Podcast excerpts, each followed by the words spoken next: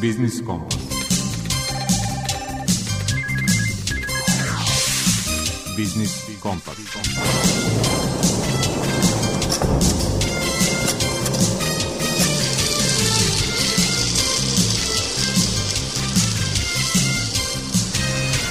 Pred mikrofonom je Đuro Vukelić.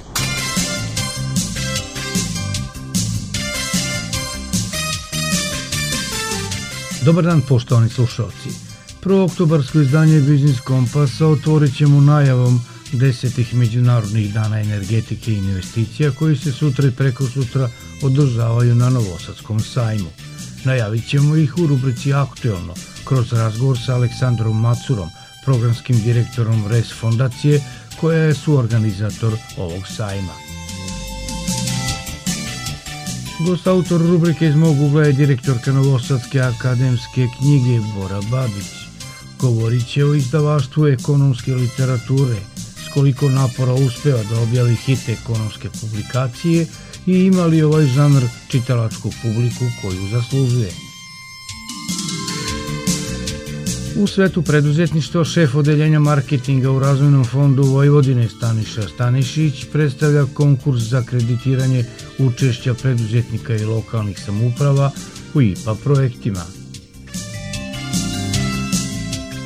Ekonomista za finansijska tržišta u sektoru za monetarne i devizne operacije u Narodnoj banci Đorđe Dimitrijević u rubrici Predmet financije objašnjava zbog čega je dinarska štednja isplativija od one u evrima. Plaćanje grejanja po utrošku donelo je mnoge nevolje potrošačima. Kakve, objasnit će u rubrici Potrošačka korpa prava naš saradnik iz NOPSA, Mladen Alfirović.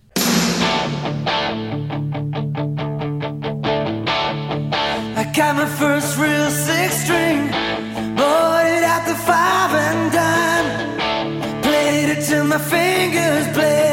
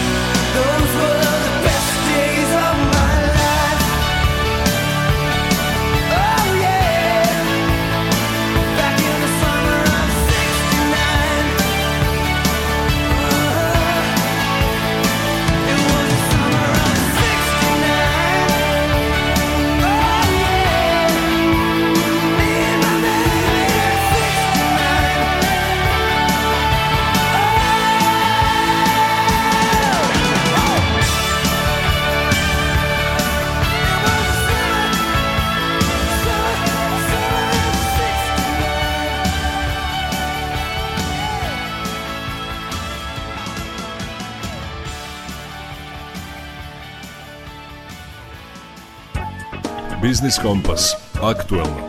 Kao nikad u prethodnoj deceniji, deseti međunarodni dani energetike i investicije odvijaju se u senci nestašića i skupih energenata. Programskog direktora RES fondacije Aleksandra Macuru pitali smo da li se ta činjenica odrazila i na sadržaj ovogodišnjih međunarodnih dana energetike i investicija. Ova situacija sa ugrožavanjem potencijalnim energetskog snabdevanja koje je za sada zaobišla Srbiju samo podcrtava osnovne pravce koje mi uvek na Međunarodnim danima energetike i investicija inače zauzimamo, a to je razgovor o energetskoj efikasnosti i obnovljivim izvorima energije.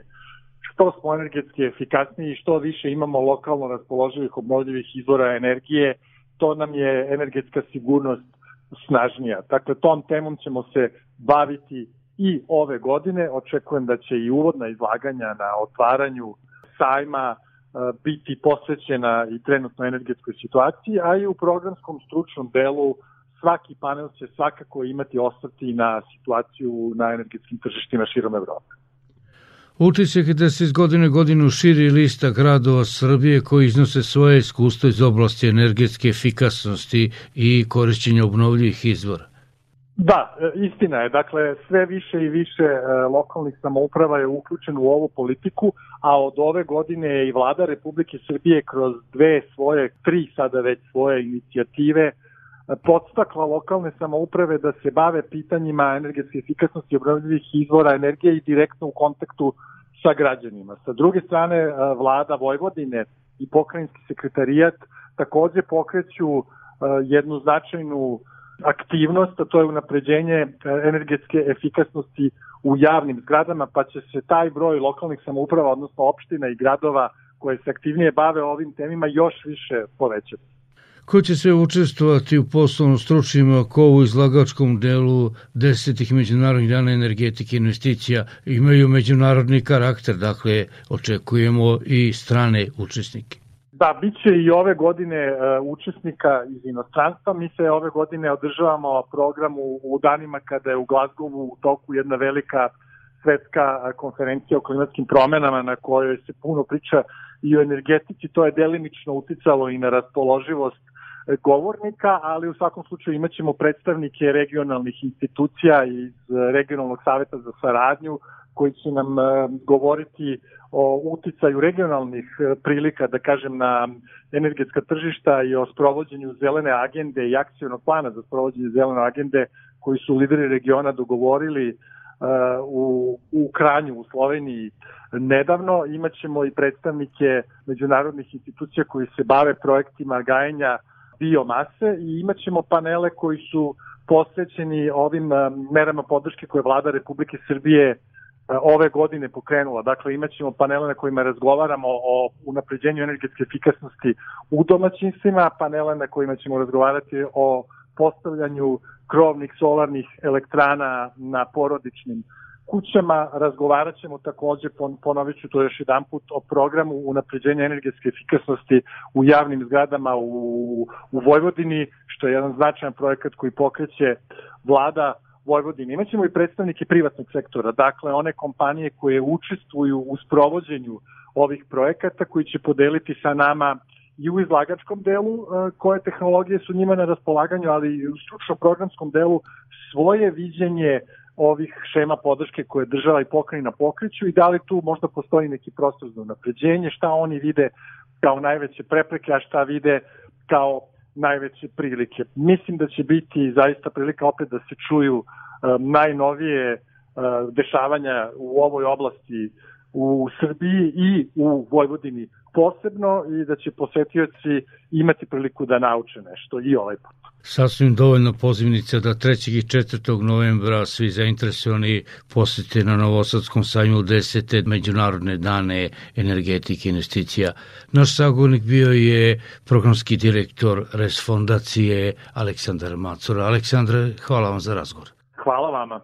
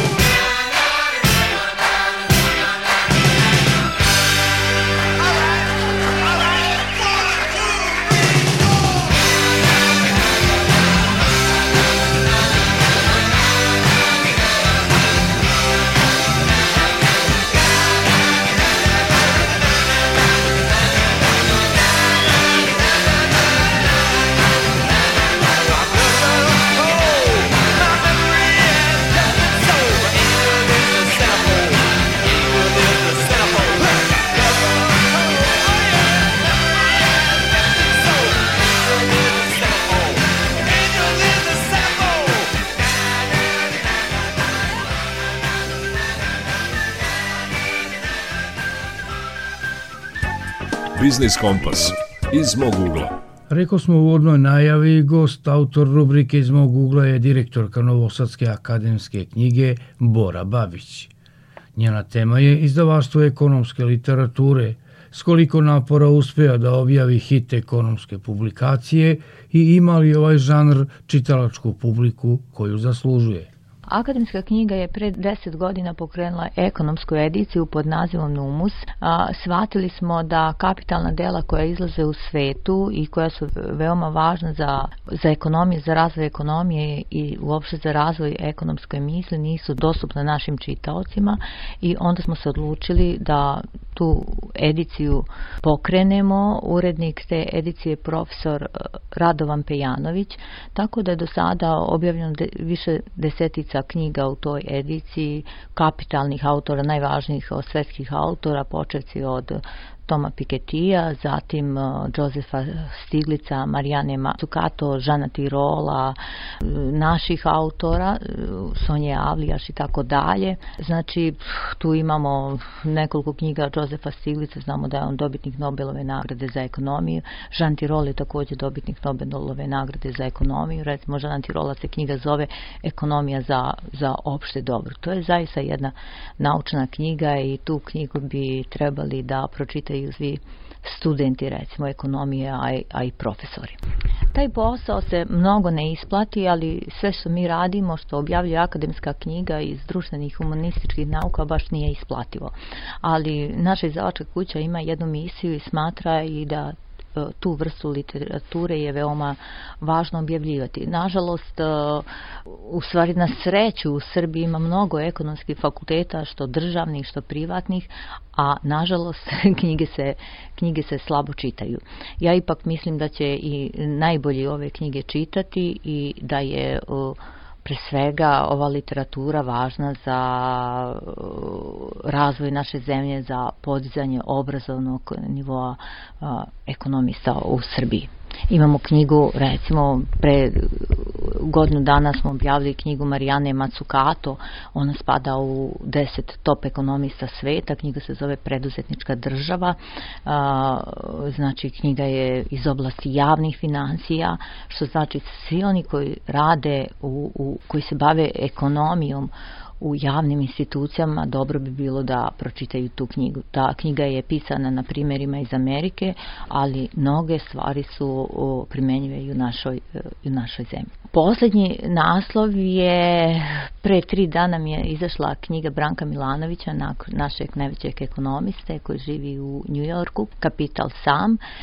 Znači, tu se gospodin Milanović bavi praktično društvenim sistemom koji, koji vlada svetu. Znači, bavi se kapitalizmom. Pa i u buduće ćemo nastaviti da objavljujemo ove naslove, mi zaista imamo informacije sve što se dešava u svetu, koje se knjige objavljuju, imamo saradnje sa, sa stranim izdavačima od Harvard University Pressa. Nam svakodnevno stižu informacije šta se tamo objavljuje, dobijamo i informacije od najboljih francuskih izdavača, nemačkih izdavača, tako da smo u mogućnosti da pratimo Evo još jedan naslov koji je u pripremi Marko Kornej, on je inače poznati svetski ekonomista, čak je bio guverner u dve države, bio je guverner u Kanadi i guverner u Velikoj Britaniji, ja mislim da on jedini čovjek koji je u dve zemlje bio guverner na svetu. Njegova knjiga o vrednovanju.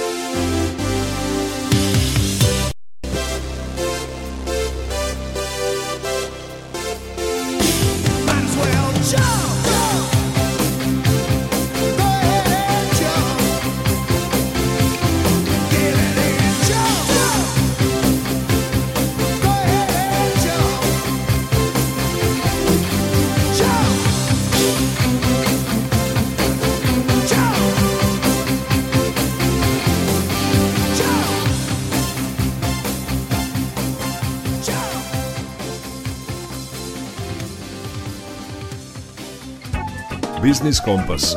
Svet preduzetništva. Iz široke palete kredita Razvojnog fonda Vojvodine u današnjem svetu preduzetništva predstavljamo manje poznat, ali veoma zanimljiv kredit za predfinansiranje realizacije IPA projekata. Namenjen je preduzetnicima, poljoprivrednim gazdinstvima, ali i lokalnim samupravama i komunalnim preduzećima. O kreditnim uslovima govori šef odeljenja marketinga u Razvojnom fondu Vojvodine Staniša Stanišić.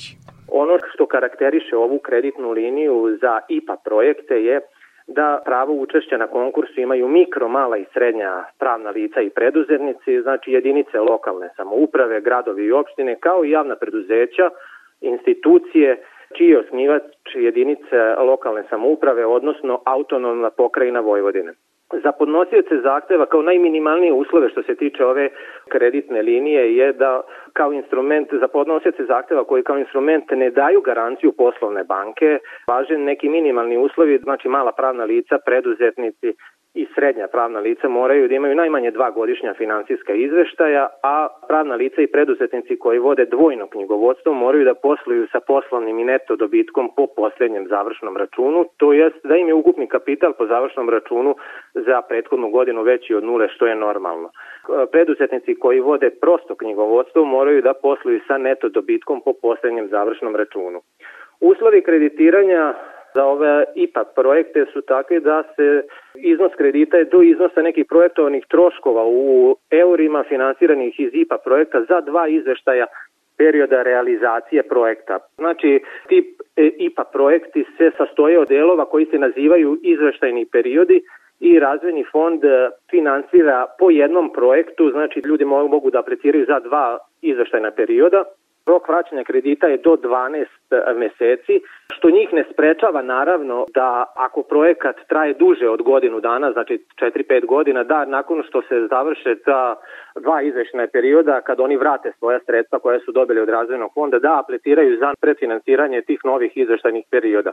Kao što se zna, Evropska unija finansira te projekte tek nakon što su oni prvo urađeni ovde. I Razvojni fond vrši neku vrstu predfinansiranja tih izveštajnih perioda koji se nalaze u okviru tog projekta. Znači, obračun i plaćanje kamate je mesečno, kamata se kreću u rasponu ako je garancija poslovne banke od 1 do 2%, a hipotekom od 2 do 3% za podnosioce zahteva, to zavisi gde imaju sedište na teritoriji autonome pokrajine Vojvodine prema nekim grupama razvijenosti.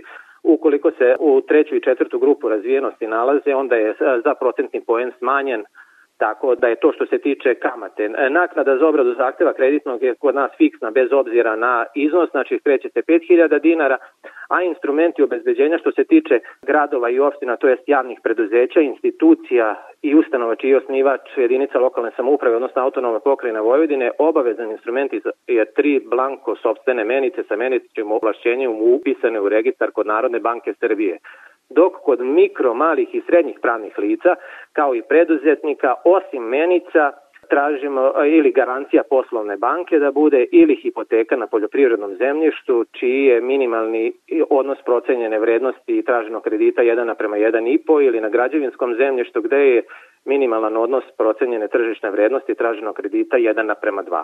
Za sve dalje i preciznije informacije možete se obratiti e, na sajtu rfapv.rs, odnosno pozivajući telefon 021 454 334.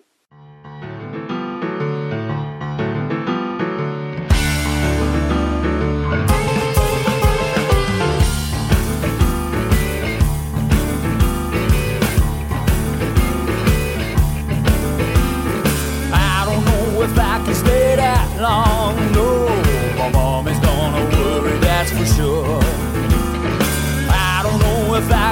The song of the future's hammer, Jaya, the good sun.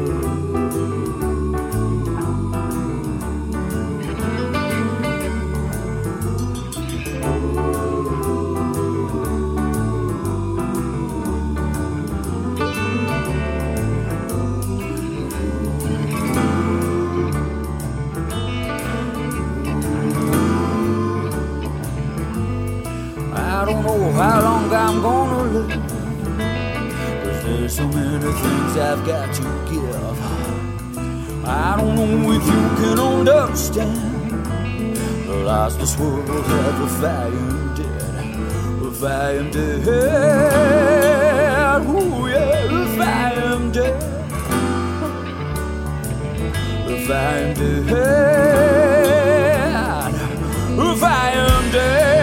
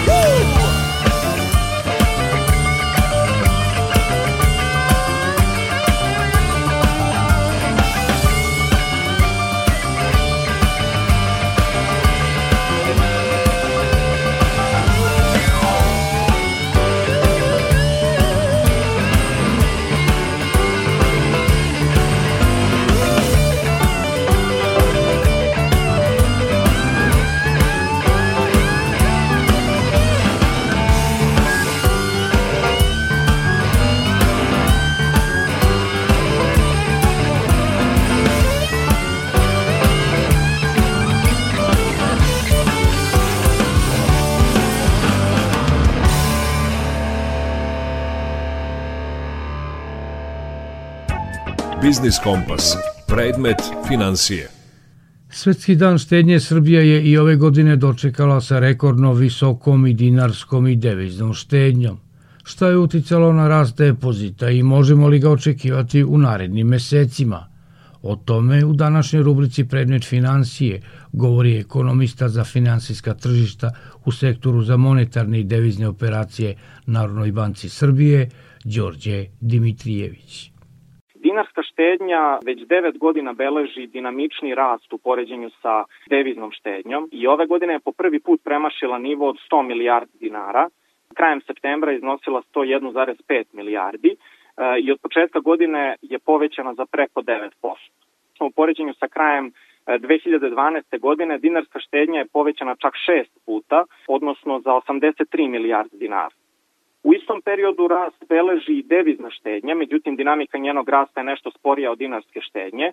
Ona je u poređenju sa krajem 2012. godine povećana sa 8,3 na 12,3 milijarde evra. Što se tiče rasta od početka godine i ona je povećana za blizu, blizu 8%. Kako bismo vašim slušalcima bolje približili isplativost dinarske štednje i poređenje sa isplativošću sa deviznom štednjom, možda bi bilo najbolje da predstavimo ilustrativan primer. Ako posmatramo dvoje štediša u septembru 2020. godine koji su odlučili da oroče sredstva na godinu dana, prvi štediša u dinarima u iznosu od 100.000 dinara i drugi štediša isti iznos u evrima koji je po kursu u tom trenutku iz, protiv vrednosti iznosilo 850 evra, dakle oročenje sredstava na godinu dana. U septembru ove godine, znači godinu dana kasnije, štediša u dinarima je ostvario veću kamatu u iznosu od 1500 dinara, odnosno oko 12 evra u poređenju sa štedišom u evrima. Ja sam sada istakao primer štednje na godinu dana, odnosno veće isplativosti dinarske štednje na godinu dana. Međutim, dinarska štednja prema analizama Narodne banke Srbije koje redovno sprovodimo, e, isplativost dinarske štednje je veća i kako u kratkom roku, tako i u dugom roku. Tako da i štediše koje štede, na primjer, na period od tri meseca, takođe ostvaruju veću kamatu u odnosu na štediše u evrima. Isti slučaj je prisutan i u dugom roku, na primjer, ukoliko se štedi na rok od dve godine. Važno je istaći koji su faktori uticali da dinarska štednja u prethodnim godinama bude kako isplativija, tako i da njen rast bude dinamičniji u odnosu na deviznu štednju. Pre svega se radi o ekonomskim politikama koje je Narodna banka Srbije sprovodila u periodu nakon 2012. godine. Pre svega bih istakao politiku relativne stabilnosti deviznog kursa, koja je od ključnog značaja za štediše, zatim očuvanje cenovne stabilnosti, ali i uspostavljanje poverenja građana u domaći finansijski sistem. Ovo su tri preduslova koji su neophodni kako bi uopšte štednja u domaćoj valuti beležila rast. I visok stepen poverenja potvrđuju i podaci. Ako posmatramo podatke nakon 2013. godine, dinarska štednja beleži prosečan godišnji rast u iznosu od preko 9 milijardi dinara, znači 9,3 milijardi dinara u proseku godišnje. Ako poredimo to sa periodom, na primjer sa decenijom pre 2012. godine, tada je prosečan godišnji rast iznosio samo 1,5 milijardi dinara, odnosno bio je šest puta manji. Ekonomska stabilnost, generalno sveukupna makroekonomska stabilnost koja je izgrađena, nameće i na neki način odgovornost da se sa takvim politikama nastavi u narednom periodu. Ono što je važno da istaknem jeste da je štednja kao koncept u ekonomskoj teoriji veoma osetljiva na bilo kakvu pojavu krize, Zato je bilo od ključne važnosti da e, u godini kakva je bila prošla godina, kada smo imali krizu izazvanu virusom korona i kriza koja je nastavljena i u ovoj godini na, na, u svetskim razmerama, e, da smo u tom periodu, da su domaći kreatori ekonomskih politika u Srbiji u stvari uspeli da očuvaju e, stabilnost domaćeg finansijskog sistema, pre svega zbog koordinisanih politika Narodne banke Srbije i vlade Republike Srbije. Pored prethodno istaknutih faktora koji su uticali na veću isplativost i e, dinamični rast dinarske štednje, dodao bih još dva argumenta u, e, u korist dinarske štednje. Prvo, to su i nešto više kamatne stope na dinarsku štednju odnosno na deviznu u prethodnom periodu, ali i povoljni porezki tretman dinarske štednje. Naime, štediše u evrima ne dobijaju celokupnu kamatu na kraju perioda, već se njihova kamata oporezuje sa 15%, dok štediše u dinarima e, ne, njihova kamata se ne oporezuje, odnosno tretman tretman je povoljniji. Što se tiče narednog perioda, najznačajniji podstica i daljem rastu dinarske štednje može da se pruži upravo kroz istrajnost u sprovođenju ekonomskih politika koja je bila prisutna i u prethodnim godinama. Povećanje učešća dinarske u ukupnoj štednji jeste postepen proces koji zahteva očuvanje poverenja javnosti, a do očuvanja poverenja se dolazi upravo istrajnošću u sprovođenju ekonomskih politika usmerenih na očuvanje stabilnosti, a Narodna banka Srbije u prethodnih devet godina pokazala da je čuvar ovakvih ekonomskih politika i konzistentnosti u njihovom sprovođenju.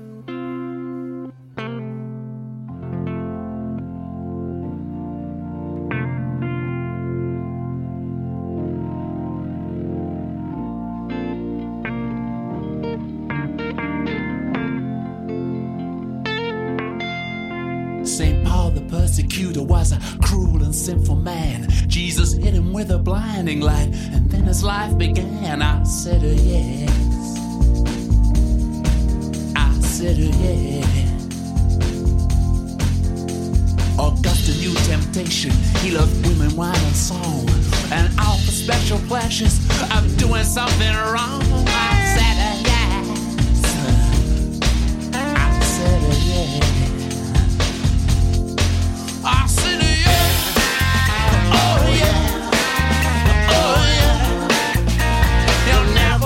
same man.